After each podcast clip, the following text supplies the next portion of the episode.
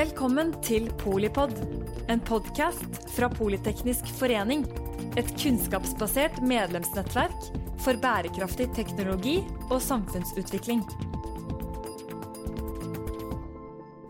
Hei og velkommen til eh, Strømpodden Polipod med Terje Strøm. Jeg er eh, styremedlem i samfunnsøkonomigruppen hos Politeknisk forening. I dag er jeg så heldig å ha med meg eh, Kari Due Andresen fra Akershus Eiendom. Velkommen. Takk skal du ha. Vi har mye spennende å prate om. Det er um, Sentralbanken har kommet med en ny eh, rapport, og renten har fortsatt oppover. og Boligprisene er like usikre som de alltid pleier å være i dette landet med oljepenger. Så hva tenker du i forhold til eh, rente og bolig nå fremover? Er det litt ulike forventninger eh, på dette med BNP-veksten også? Ja, Det er jo litt sånn påfallende, fordi den uh, siste rapporten fra Norges Bank, så sa jo sentralbanken at uh, Ja, for første så satte de jo opp renta, det var vel uh, godt forventet. Men så, så, hevet de jo også renteprognosen en god del, faktisk. Og sa at de skal jo nå sette opp renta antagelig både i mai i juni. Uh, og det er jo da basert på at det har gått ganske bra fortsatt i norsk økonomi, og Norges Bank mm. tror ikke lenger at det blir resesjon. Uh, de ser også for seg at det er noe høyere kostnads- og prispress enn det de trodde før jul. Mm. Så det sentralbanken spår, er jo egentlig en myk landing for norsk økonomi, hvor prisveksten er litt uh, gjenstridig. Uh, og i så fall så mener jo de at renta da skal holde seg på dette relativt høye nivået. 3,5 skal de da sette opp renta til uh, i juni. Og at renta kanskje holder seg der et års tid, før den da veldig gradvis skal ned. Men hvis man ser på hva som er priset inn i rentemarkedene, så ser det ikke ut til at markedsaktørene kjøper denne historien helt. Eh, fordi at vi har da inverterte rentekurver. Det betyr rett og slett at de korte rentene er uh, høyere enn de lange. og uh, Når det skjer, så pleier det å være fordi man tror at det skal gå dårligere med økonomien etter hvert. Så det, det, det tas, tolkes som en sånn klassisk resesjonsfrykt. Ja. Så det ser ut som markedsaktørene rett og slett tror at vi skal inn i en nedgangskonjunktur. Og Derfor så er det da forventet i rentemarkedene at vi kanskje kan få to rentekutt igjen allerede i år.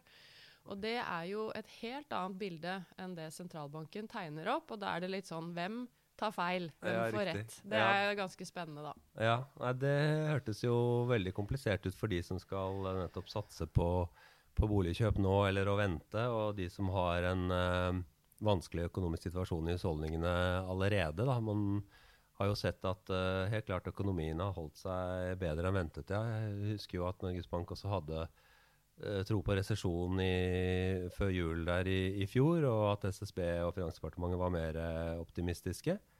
Uh, og så er det jo fint at arbeidsmarkedet ikke på en måte får den uh, nedturen som mange fryktet foreløpig. Det er jo viktig både i forhold til inkludering og i forhold til liksom, politikernes ønsker. Da. Men jeg, jeg, er helt enig i at det blir vanskelig å planlegge og vanskelig å vite hvem man skal tro på da, når markedet Eh, er så vidt uenig med, med Norges Bank. Men eh, hva tenker du i forhold til det med at uh, kronen Det har vi vært inne på tidligere, men det er interessant fordi det er veldig Nå skal jo folk på påskeferie og kanskje kjøpe dyr pils i Danmark og dra til Spania. Ha det ikke vondt, men ikke så fint som det var for noen år siden. Altså, mm. hvordan er det med den kronekursen og det at oljeprisene har gått ned? En del, eh, og inn på renten. da, at, mm. uh, Hvordan spiller det inn? Ja, den kronekursen den var jo en uh, del av historien uh, som sentralbanken fortalte nå fordi at, altså som en bakgrunn for at renta skal videre opp. Fordi kronekursen har da blitt vesentlig svakere enn venta, og det gjør jo at det blir, å, det blir dyrere å kjøpe ting fra utlandet. Ja. Så det trekker rett og slett opp importert prisvekst. Ja. Bidrar til høyere inflasjon her i Norge. Og krona er jo svakere av flere årsaker. Ikke alt kan sentralbanken påvirke, men eh, har, rentedifferanser spiller jo inn, og det er jo noe sentralbanken da kan påvirke. Mm. Eh, samtidig så er det også sånn at når det er turbulent eh, i de internasjonale markedene, så flykter gjerne investorene til trygge havner, som er de store valutaene. Eh, ja. Og da går det utover små valutaer som norske kroner. Så krona pleier å svekke seg i turbulente tider, så det har vært en faktor nå. Eh, og så har også energiprisene svekket seg, eh, både olje- og gassprisene, Mm. som også bidrar. Sånn at krona har vært vesentlig svakere enn eh, det man trodde før jul, og det har bidratt til at eh, importert prisvekst trekkes opp, da. Mm, ja.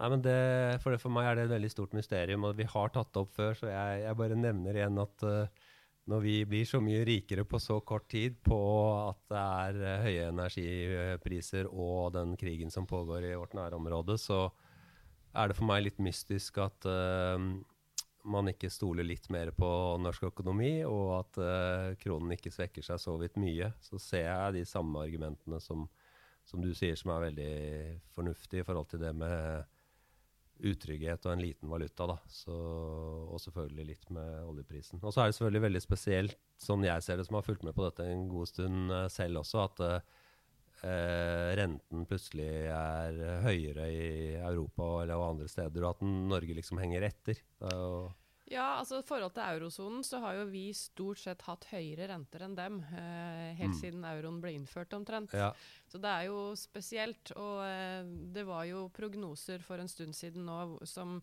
gikk på at eh, renten skulle da bli høyere i eurosonen enn i Norge. Nå er det vel kanskje blitt litt likere i det siste, for Norges Bank var jo litt sånn der aggressive i tonen. Ja. Men eh, det er allikevel ligger an til mye mindre rentedifferanse nå mot eurosonen enn det vi har hatt før, og det gjør det jo sånn sett eh, relativt eh, gunstigere å, um, å kanskje investere i Norge, da. Men vi ser jo at den krona er svak, og det er kanskje begrenset hva Norges Bank får gjort med det akkurat nå som det er såpass turbulent. mm, det er det. Så men det er én ting som ikke jeg helt forstår, og som eh, ikke sikkert du kan svare så litt på heller, men det er det med det kronesalget til Norges Bank. Altså den kjøp og salg av valutaen som de gjør. Det er Jeg har liksom lest om det, og så tenker jeg For det er noen som har snakket om at vi må slutte å selge kroner fra Norges Bank sin side for å, fordi det er med å svekke kronen, og det trengs ikke akkurat nå. Er det for enkelt eh, tenkt, eller er det Altså Norges Bank eh, de, de handler jo valuta på bakgrunn av hva som, eh, hva som skjer i forhold til oljeinvesteringer og i forhold til eh, oljefondet. Ja. Og, og den aktiviteten er jo um, veldig godt varsla. Ja. Så det skal man i prinsippet kunne ta høyde for i valutamarkedet, men det er klart det, det vil kanskje kunne påvirke det eh, sånn eh, underveis. Ja. Men i den mer langsiktige prisingen av krona, så er jo det en aktivitet det skal være mulig å ta høyde for. Mm.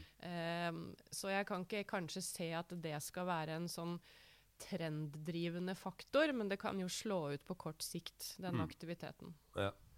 Yes. Nei, men det, vi må over på et litt uh, lettere tema, som har med påskefjellet og hyttelivet å gjøre. Det er jo Boligmarkedet er jo litt sånn at eh, det er jo folks liksom, største asset og status er jo boligene våre, og så mange investerer så mye. Og så er det jo, leste jeg akkurat hos SSB, at det er flest uh, mellom 40 og 60 år som kjøper hytte, som ikke akkurat er veldig overraskende, fordi de fleste vil kjøpe seg bolig først, og så hytte etterpå, eller uh, noe i utlandet, eller hva det måtte være, hvis man har god økonomi. Men uh, hva tenker du i forhold til dette med at det er brems i, i eh, fjellhyttemarkedet, mens det jo er veldig gode priser av det lille jeg har sett på sånn eh, sommerhytte. Er, har du noen tanker rundt det?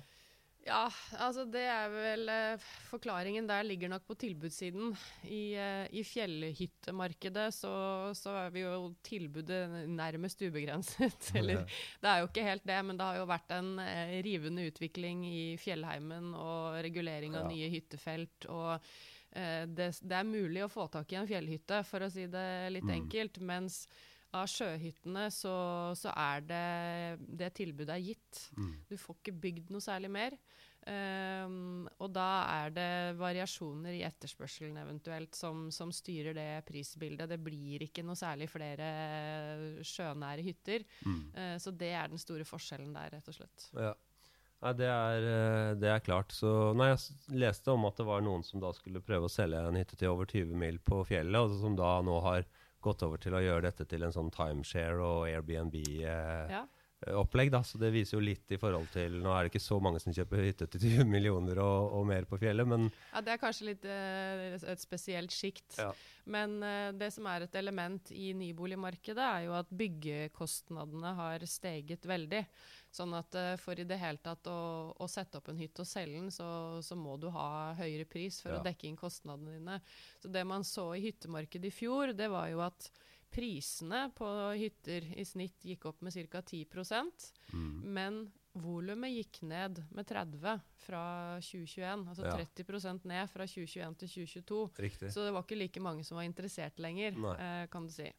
Eh, men det måtte kanskje komme en korreksjon også etter det kjempehete markedet som var i 2021, mm. uh, hyttemarkedet. Ja. Uh, det var nok ikke bærekraftig. Rett og slett ikke, nei. Eh, nei. Og det var før rentene begynte å gå opp så mye. Ja. Så det var jo også det at det var gratis å låne penger, og da var det jo veldig mange som investerte, fordi du kunne låne to eller tre millioner til på enten eksisterende boliglån hvis man hadde betalt ned mye, eller ta opp et nytt lån og til så vidt lav kostnad, gitt at man krysset fingrene for at renten ikke skulle gå opp sånn som den har gjort nå. Ja, det er klart. altså Den renteoppgangen vi har hatt, eh, den, det slår ut på alle aktive verdier. og Vi ser det jo i boligmarkedet, og vi ser det i markedet for næringseiendom der hvor jeg jobber. Ja. At eh, den renteoppgangen vi har hatt, den, eh, den bidrar til å bremse markedet, rett og slett. Ja. Men likevel så holder det seg overraskende godt, syns jeg, jo, i, når vi tenker på boligmarkedet i, i Oslo og de store byene f.eks. At da er det noe der Jeg har jo tidligere snakket om dette med familiebanken og, og liksom eh, det at man hjelper hverandre, det at det er eh, to i husholdningen som, eh, som tjener godt, at det er veldig mange med høyere utdannelse i, eh, i og rundt storbyene. At uh, du på en måte kan gjøre en avtale om avdragsfrihet med banken din. At, de, at det er noe de ekspertene fra utlandet i hvert fall ikke helt kanskje forstår rundt det at uh, Norge er litt spesielt uh, bygd opp da, med velferdssamfunnet og med de andre tingene som jeg, jeg nevnte. Jeg vet ikke Hva er dine tanker om at det nå skal ned med 4 i boligmarkedet, kanskje? Eller det spriker jo litt, disse prognosene, da. Ja, jeg tenker at eh, når renta har gått fra 0 til 3% på eh, et års tid, eller hva blir det? Relativt kort ja, tid, da. Det er jo det. Så, og bankene følger etter nå. Eh, hvis eh, styringsrenta skal opp til 3,5% i sommer, så kommer folk til å få boliglånet sitt opp i 5 etter hvert. Ja. Og det er klart det er nødt til å bite. Men det man har sett så langt, er at boligmarkedet har bremsa opp, men mindre enn venta. Eh, Det jeg tror man også må ha med seg da, det er at fra januar i år så ble boliglånsforskriften myka opp, sånn at man blir testet for å tåle eh, en økning på 3 prosentpoeng i renta, og ikke 5 Ja, som man måtte ja. tåle før jul. Og det betyr jo at flere da kan få en større låneutmåling enn det man fikk før jul. Og det har nok helt klart hatt en effekt. Ja. Eh, men jeg tror nok framover at man i økende grad vil se at renta biter, eh, og at det bidrar til en videre nedkjøling av boligmarkedet. Jeg kan ikke helt se at man skal komme utenom det. Nei. Nei, jeg syns det har overrasket veldig mange ganger før, men da er det jo noe med det at de dårlige tidene kanskje ikke har vært så lenge som det man trodde, og at uh, de har gått uh, i motsatt retning veldig tydelig. Da. Så, sånn som at hvis man får en resesjon nå, uh, som er ganske sterk til høsten allerede, eh, så kan man jo bli reddet på den siden av de som sitter i trygge jobber, som plutselig får en uh, rente på boliglånet som begynner å gå ned igjen. Uh, mens du får den biten om at folk i noen næringer og bransjer mister jobben, da, som du, liksom, du får sprekk i laget hvis det skjer. da. Ja, så Boligmarkedet er jo veldig avhengig av, bolig, nei, av arbeidsmarkedet. Ja. Eh, så jeg tror nok hvis, hvis arbeidsledigheten bare stiger litt, sånn som Norges Bank tror, så går det nok ganske bra med boligmarkedet også. Men hvis man får en resesjon og ledigheten begynner å, å stige mer, eh, da er det flere som får problemer med å betjene lånet sitt og kanskje må selge. Og det er jo sånne tvangssalg som etter hvert kan utløse et større boligprisfall. Eh, men hvis man ikke får en eh, stor forverring i arbeidsmarkedet, så, så tror jeg ikke det er grunn til å forvente liksom, en veldig stor korreksjon i boligmarkedet heller. Så, eh, men det blir rett og slett veldig spennende å se hvor, eh, hvor godt det går med norsk økonomi framover. Mm, det er helt klart. Jeg så jo på SSB sine siste prognoser, så var jo de også inne på det at man eh, kom til å nå prismålet. Så jeg hadde vel en twittermelding hvor jeg liksom sa at jo, men SSB spår at Norges Bank lykkes. De ender opp med 2-2,5 eh, inflasjon i 2025 eh, der omkring. Mm. Og, og, så spådde de jo eh, litt mer opp på renten, de også, så vidt jeg husker, så, eh, fra SSB sin side. Men eh, hva tenker du i forhold til hva hvis du selv skulle føle på hvilken retning det går. det, det med altså resesjon og to rentehopp mm videre før sommeren, og eventuell rentekutt i høsten eller ikke? Har, har du noe mm. feeling i dag? Jeg syns det der er veldig vanskelig, men det som er litt påfallende, syns jeg, det er hvis man ser på norske husholdninger, eh, så trekker de nå mye på sparepengene sine. Ja. Vi satt jo hjemme under pandemien og sparte opp ganske mye penger i snitt. Det var jo veldig høy sparerate. Eh, men den spareraten den er nå negativ, og den er omtrent like negativ som den var positiv under pandemien. og Det betyr Oi. bare at nå spiser man av de sparepengene i ganske høyt tempo. Ja. Så det er det ene. Og hvis man ser på sånne målinger av konsumenttillit, altså hvor optimistiske eller eh, ikke norske husholdninger er, så er man nå ganske bekymra for egen økonomi. Eh, og den indikatoren som måler forventningen til egen økonomi, den er nå i negativt territorium, og det har den ikke vært siden 90-tallet, da det var bankkrise. Oi. Og det er litt uh, spesielt. Ja. Uh, og man planlegger mye mindre innkjøp framover uh, enn man noen gang har gjort tidligere, ifølge disse målingene. Ja. Så det er helt tydelig at norske husholdninger er veldig bekymra. Så det man kan lure litt på, tenker jeg, når man ser disse målingene, er om denne nedgangen i norsk økonomi bare kommer litt forsinka sammenlignet med hva man hadde tenkt. At det rett og slett tar litt tid før det slår ordentlig ut. fordi bl.a. så hadde nordmenn ganske mye sparepenger som de nå kan bruke. Eh, men så går det kanskje tomt i løpet av året, og hvordan går det da? Det, ja. det, det blir eh, spennende. Ja. Nei, det, dette var eh, mange tunge saker som folk på fjellet eller på annen påskeferie skal, må ta med seg. Men uh, det er jo viktig at, uh, å tenke nå at det er jo litt usikre tider. Uh, arbeidsmarkedet er uh, kjempegodt, så det er jo en, en positiv bit. Det har jo regjeringen begynt å legge litt vekt på også etter hvert. Jeg lurte på hvorfor de bare var opptatt av stramt budsjett, som ikke folk vet hva er. Men de får iallfall slå seg litt på brystet i forhold til arbeidsplass. Uh, uh, skapingen de har vært med på, da, selv om det jo er næringslivet som gjør mye av, mye av jobben. Men uh, jeg vil egentlig bare takke veldig for samtalen og ønske deg en kjempefin uh, tur på fjellet, Kari. Ja, tusen takk for det. Riktig god påske. Ha det fint. Takk for at du lyttet til Polipod fra Politeknisk forening. Få med deg flere episoder, eller bli med på nettverksmøtene som du finner på at polyteknisk.